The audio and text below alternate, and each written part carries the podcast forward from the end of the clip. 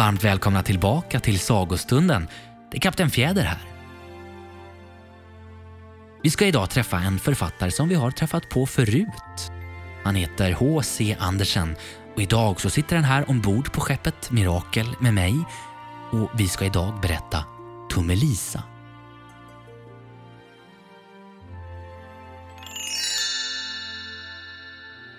Det var en gång en hustru som så gärna ville ha sig ett litet barn.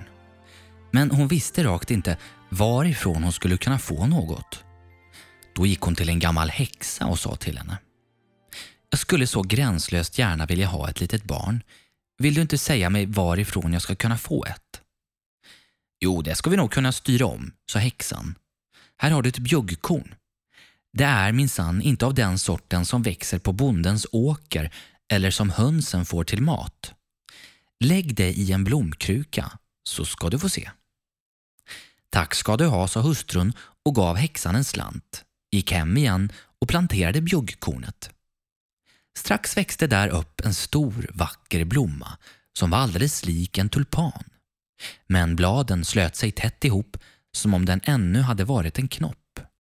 Det var en förtjusande blomma, sa hustrun och kysste den på de vackra röda och gula bladen. Men i samma ögonblick som hon kysste den så hördes ett starkt knall och blomman öppnade sig. Det var en riktig tulpan, det kunde man nu se, men mitt inne i blomman, på den gröna stolen, satt ett litet flickebarn. Så fint och fagert. Hon var inte mer än en tum lång och därför fick hon heta Tummelisa. Ett fint lackerat valnötsskal fick hon till vagga, blåa violblad var hennes madrasser och ett rosenblad hennes täcke. Där sov hon om natten, men om dagen lekte hon på bordet där hustrun hade satt fram en tallrik. Och runt om den hade hon lagt en hel krans av blommor som stack ner skälkarna i vattnet. Här flöt ett stort tulpanblad och på detta fick Tummelisa sitta och segla från ena sidan av tallriken till den andra. Hon hade två vita tagelstrån att ro med. Det såg förnäpet ut. Hon kunde också sjunga och så förtjusande fint att man aldrig hade hört på maken. En natt när hon låg i sin vackra säng kom en ful padda inhoppande genom fönstret. En ruta hade gått i kras. Paddan var så ful och stor och våt. Den hoppade rakt ner på bordet där Tummelisa låg och sov under det röda rosenbladet. Det var en söt hustru åt sonen min, sa paddan och så grep hon tag i valnötsskalet där Tummelisa sov och skuttade iväg med henne genom rutan ner i trädgården. Där flöt en stor bred å. Men närmst intill stranden var den sumpig och gyttjig. Här bodde paddan med sin son. Hu, han var också ful och stygg att se på, alldeles som sin mor. Kvack, kvack, bräck, bräck, bräck. Det var allt vad han kunde säga. När han fick se den lilla söta flickan i valnötsskalet.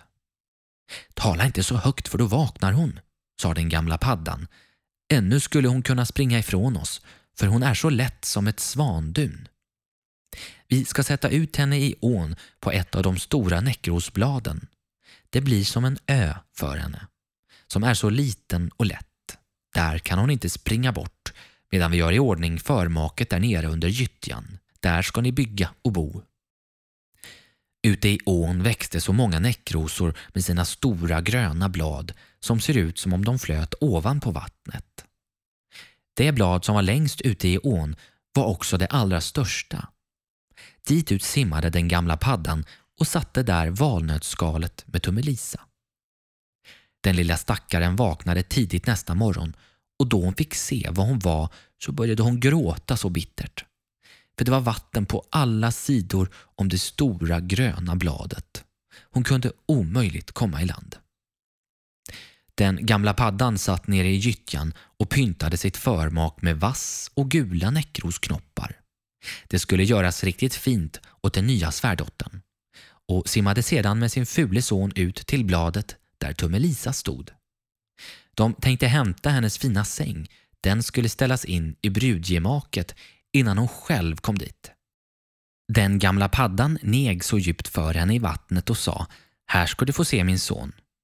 Han ska bli din man och ni ska bo så trevligt där nere i gyttjan. Kvack, kvack, bräck, bräck. Det var allt som sonen kunde säga. Så tog de då den söta lilla sängen och simmade bort med den. Men Tummelisa satt alldeles ensam kvar och grät på det gröna bladet. För hon ville inte bo hos den otäcka paddan eller få hennes fule son till man. De små fiskarna som simmade omkring nere i vattnet hade nog sett paddan och hört vad hon sa. Därför stack de upp huvudena. De ville åtminstone titta på den lilla flickan. Så snart de fått se henne tyckte de att hon var så söt och det gjorde dem så ont att hon skulle ner till den otäcka paddan. Nej, det skulle aldrig ske. De samlade sig där nere i vattnet runt omkring den gröna skälken som höll fast det blad hon stod på och gnagde med tänderna av skälken. Och så flöt bladet ned för ån, bort med Tummelisa, långt bort dit inte paddan kunde komma. Tummelisa seglade förbi så många ställen och de små fåglarna satt i buskarna, såg henne och sjöng en sådan fager liten mö. Bladet simmade längre och längre bort med henne. På det sättet kom Tummelisa att resa utomlands. En liten söt vit fjäril flög ideligen runt omkring henne och slog sig till slut ner på bladet. För han blev så förtjust i Tummelisa och hon var så belåten. För nu kunde paddan inte få tag i henne. Och det var så vackert där hon seglade fram. Solen lyste på vattnet, det var som det klaraste guld. Då tog hon av sig skärpet, band ena ändan om fjärilen, den andra ändan av bandet knöt hon fast vid bladet. Då gled det mycket fortare framåt och hon med, för hon stod ju på bladet. I detsamma kom en stor ollonborre flygande. Han fick syn på henne och slog ögonblickligen sin klo om hennes smala midja och flög upp i trädet med henne. Men det gröna bladet simmade vidare nedför ån och fjärilen flög med. För han var fastbunden vid bladet och kunde inte komma lös. Herregud vad den stackars Tummelisa blev förskräckt när ollonborren flög upp i trädet med henne. Men allra mest bedrövad var hon för den vackra vita fjärilens skull som hon hade bundit fast vid bladet. Om han inte kunde komma lös måste han ju svälta ihjäl. Men det brydde ollonborren sig inte om.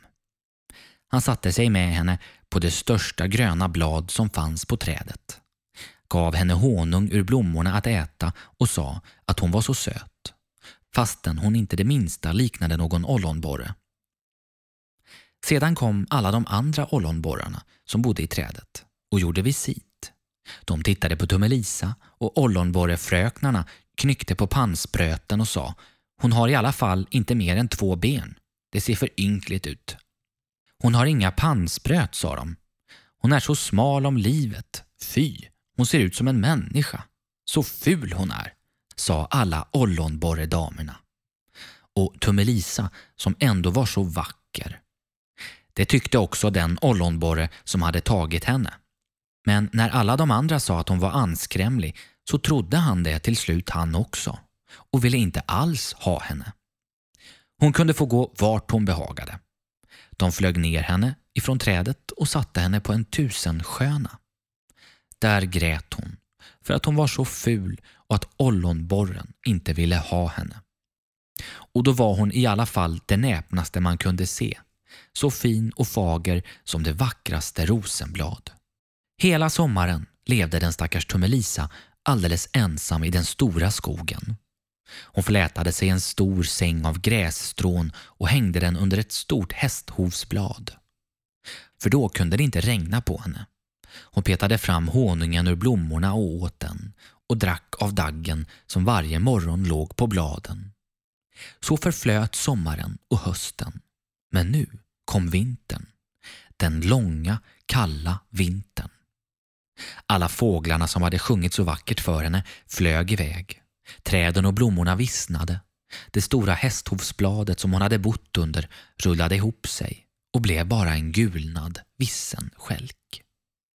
Och hon frös så förskräckligt för hennes kläder var trasiga och hon själv var så liten och späd. Stackars Tummelisa, hon måste frysa ihjäl. Det började att snöa och varenda snöflinga som föll på henne var som när man kastar en hel skovel snö på oss. För vi är stora och hon var inte mer än en tum lång. Då svepte hon in sig i ett visset löv, men det kunde inte värma någonting. Hon skälvde av köld. Strax utanför den skog där hon hade hamnat låg en stor åker, men säden var för länge sedan borta. Endast den nakna, torra stubben stack upp ur den frusna marken. Det var som en hel skog för henne att vandra fram igenom, så hon skakade av sig kölden. Så kom hon fram till åkerråttans dörr. Det var ett litet hål under sädesstubben. Där inne bodde råttan varmt och skönt, hade hela kammaren full med säd, ett fint kök och skafferi. Den stackars Tummelisa ställde sig innanför dörren liksom en annan fattig tiggarflicka och bad om en liten smula av ett bjuggkorn för på två dagar hade hon inte fått det minsta att äta. Din lilla stackare, sa åkerråttan, för det var på det hela taget en snäll gammal åkerråtta. Stig du in i min varma kammare och ät tillsammans med mig.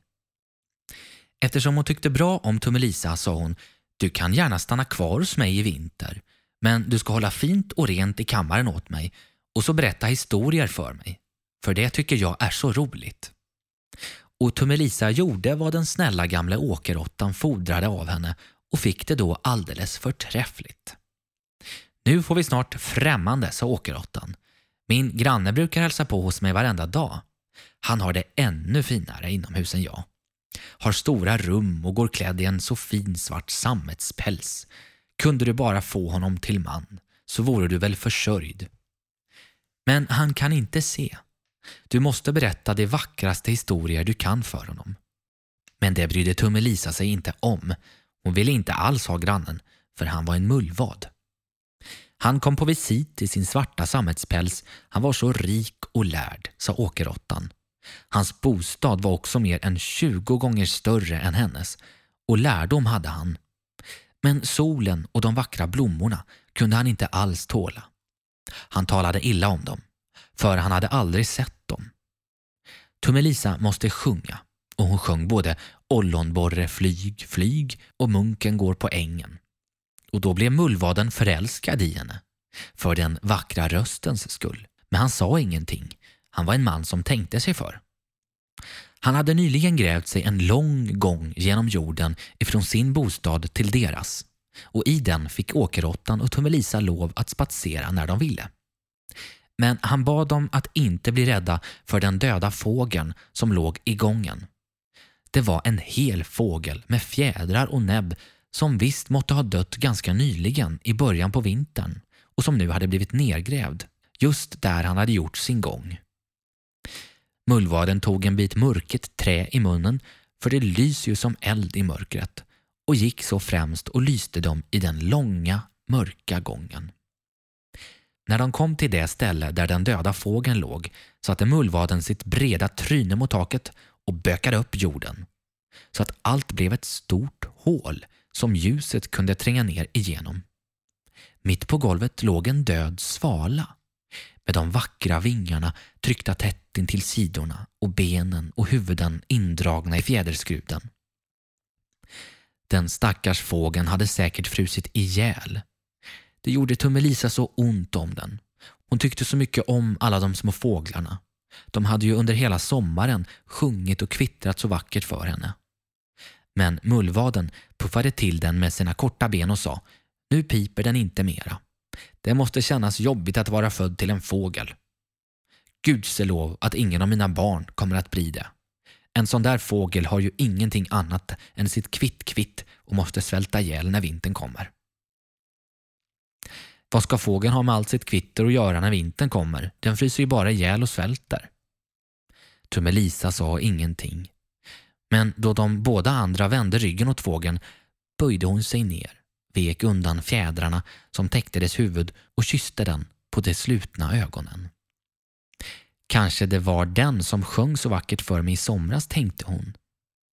Vad den ändå gjorde mig mycket glädje, den vackra, rara fågeln. Mullvaden stoppade nu igen hålet som dagen lyste in igenom. Han följde sedan damerna hem. Men på natten kunde Tummelisa rakt inte sova. Hon steg upp ur sängen och flätade ett stort fint täcke av hö. Och det bar hon ner och bredde ut över den döda fågeln och la mjuk bomull som hon hade hittat i åkerråttans kammare på båda sidor om den för att den skulle ligga varmt i den kalla jorden. Farväl du lilla vackra fågel, sa hon. Farväl och tack för din ljuvliga sång i somras då alla träden grönskade och solen sken så varmt på oss. Så lutade hon huvudet mot fågelns bröst men blev i samma ögonblick helt förfärad. För det lät som om något klappade där innanför. Det var fågelns hjärta. Fågeln var inte död. Den låg i dvala men hade nu blivit uppvärmd och vaknat till liv igen. Om hösten så flyger alla svalor bort till de varma länderna. Men är det någon av dem som blir försenad fryser den så att den faller ner alldeles som död och blir liggande och den kalla snön lägger sig över den. Tummelisa blev förskräckt för fågeln var ju så stor, så stor mot henne som inte var mer än en tum lång. Men hon tog i alla fall mod till sig, stoppade bomullen tätare intill den stackars svalan och hämtade ett krusmynteblad som hon själv hade haft till täcke och lade det över huvudet på fågeln. Nästa natt smög hon sig åter ner till den och då hade den alldeles vaknat till liv. Men den var så svag att den bara för en kort sekund orkade slå upp ögonen och se på Tummelisa som stod där med en bit lysved i handen. För någon annan lykta hade hon inte. Tack ska du ha du lilla ljuva barn, sa den sjuka svalan till henne. Jag har blivit så härligt varm igen. Snart får jag tillbaka mina krafter och kan flyga på nytt ut i det varma solskenet. Åh, sa hon, det är så kallt där ute. Det snöar och fryser på.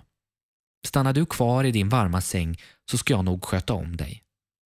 Sedan bar hon vatten till svalan i ett blomblad och den drack och berättade för henne hur den hade råkat såra ena vingen på en törnbuske och därför inte kunnat flyga så fort som de andra svalorna som då flög bort. Långt bort till de varma länderna. Så hade den till slut fallit till marken. Men något mera kunde den inte komma ihåg och hade ingen aning om hur den hade kommit hit. Hela den långa vintern stannade den kvar där nere och Tummelisa var snäll mot den och höll så innerligt av den. Varken mullvaden eller åkerråttan fick höra ett knyst om saken för de kunde ju inte tåla den stackars arma svalan.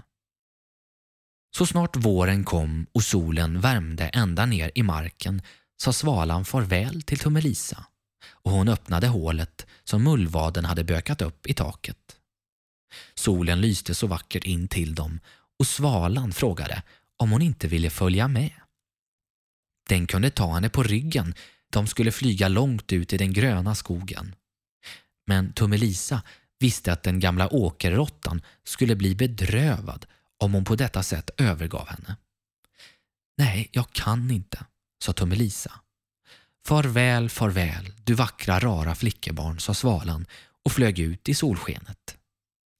Tummelisa såg efter den och hon fick tårar i ögonen för hon höll så mycket av den stackars svalan.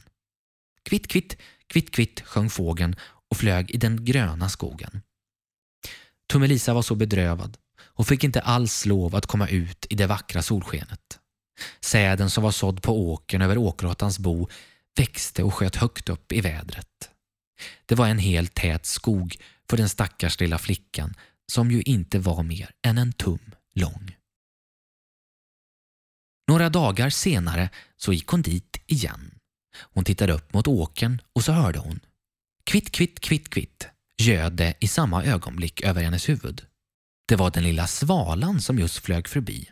När den fick syn på Tummelisa blev den så glad. Hon berättade hur ogärna hon ville få den fula mullvaden till man och att hon skulle bli tvungen att bo djupt nere under jorden dit solen aldrig lyste. Hon kunde inte låta bli att gråta vid tanken. Jag flyger långt bort till de varma länderna. Vill du följa med? Du kan få sitta på min rygg. Bind dig bara fast med skärpet så flyger vi bort ifrån den fula mullvaden och hans mörka kammare. Långt bort över bergen till de varma länderna där solen skiner vackrare än här. Där det alltid är sommar och fagra blommor. Flyg du bara bort med mig, du lilla söta Tummelisa som räddade mitt liv när jag låg förfrusen nere i den mörka jordkulan. Ja, jag ska följa med dig, sa Tummelisa och satte sig upp på fågens rygg. Med fötterna på dess utbredda vingar band fast sitt skärp vid en av de kraftigaste fjädrarna och så flög svalan högt upp i luften över skog och över sjö, högt upp över de höga bergen där snön alltid ligger kvar och där Tummelisa frös i den kalla luften. Men så kröp hon in under fågelns varma fjädrar och stack bara fram sitt lilla huvud för att se på allt det vackra som fanns under henne. Så kom de då till de varma länderna, där solen lyste mycket klarare än här. Himlen var dubbelt så hög och längs, och längs, och längs dikesrenar och gärdesgårdar växte de vackraste gröna och blå vindruvor. Svalan flög ner med Tummelisa och satte henne på ett av de breda bladen. Men så häpen hon blev. Där satt en liten man mitt i blomman, så vit och genomskinlig som om han varit av glas. Den näpnaste lilla guldkrona hade han på huvudet och de finaste klaraste vingar på skuldrorna. Själv var han inte större än Tummelisa. Han var blommans ängel. I varenda blomma bodde någon sådan liten man eller kvinna. Men den här var kung över dem allesammans. Och Gud så vacker han är, viskade Tummelisa till svalan. Den lille prinsen blev så förskräckt för svalan för den var ju en riktig jättefågel emot honom som var så liten och späd.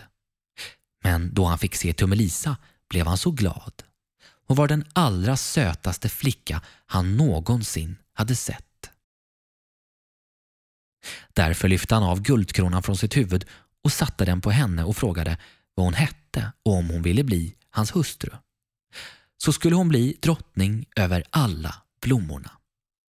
Ja, det var en man som hette Duga. Det var något annat det än paddans son och mullvaden med den svarta sammetspälsen. Hon sa därför ja till den vackre prinsen och från varje blomma kom en dam eller herre så söt och näpen att det var en fröjd att se dem. Var och en av dem hade med sig någon present och Tummelisa men den bästa av allesammans var ett par vackra vingar ifrån en stor vit fluga. De sattes fast på Tummelisas rygg och sedan kunde hon också flyga ifrån blomma till blomma. Det var en sån glädje och den lilla svalan satt uppe i sitt bo och sjöng för dem.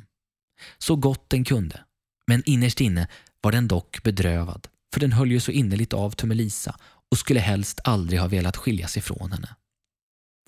Du ska inte heta Tummelisa, sa blommans ängel till henne. Det är ett fult namn och du är så söt. Vi ska kalla dig för Maja. Farväl, farväl, sa den lilla svalan och flög åter bort ifrån de varma länderna. Långt bort, tillbaka till Danmark. Där hade den ett litet bo ovanför fönstret där den mannen bor som kan berätta sagor.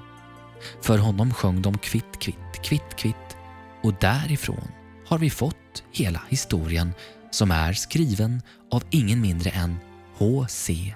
Andersen. Hörni, tack för att ni har lyssnat på Sagostunden. Vi ses ju igen nästa gång. Och jag tänkte att vi skulle avsluta med en liten visa om myran Ann-Charlotte. Och jag har fasligt brått Knata, gno, skubba, sno Blanka fat, laga mat Gå till kvarnen, passa barnen Jag heter Ann-Charlotte och jag har fasligt brått. Hämta ved, koka te, torka disk, ge barnen smisk, räfsa backen, vakta stacken. Jag heter Ann-Charlotte och jag har fasligt brått. Trockla trå, samla strå, rulla sten, rensa ben, skrubba, tvätta, allt rätta. Jag heter Ann-Charlotte Hoi, ja, har fått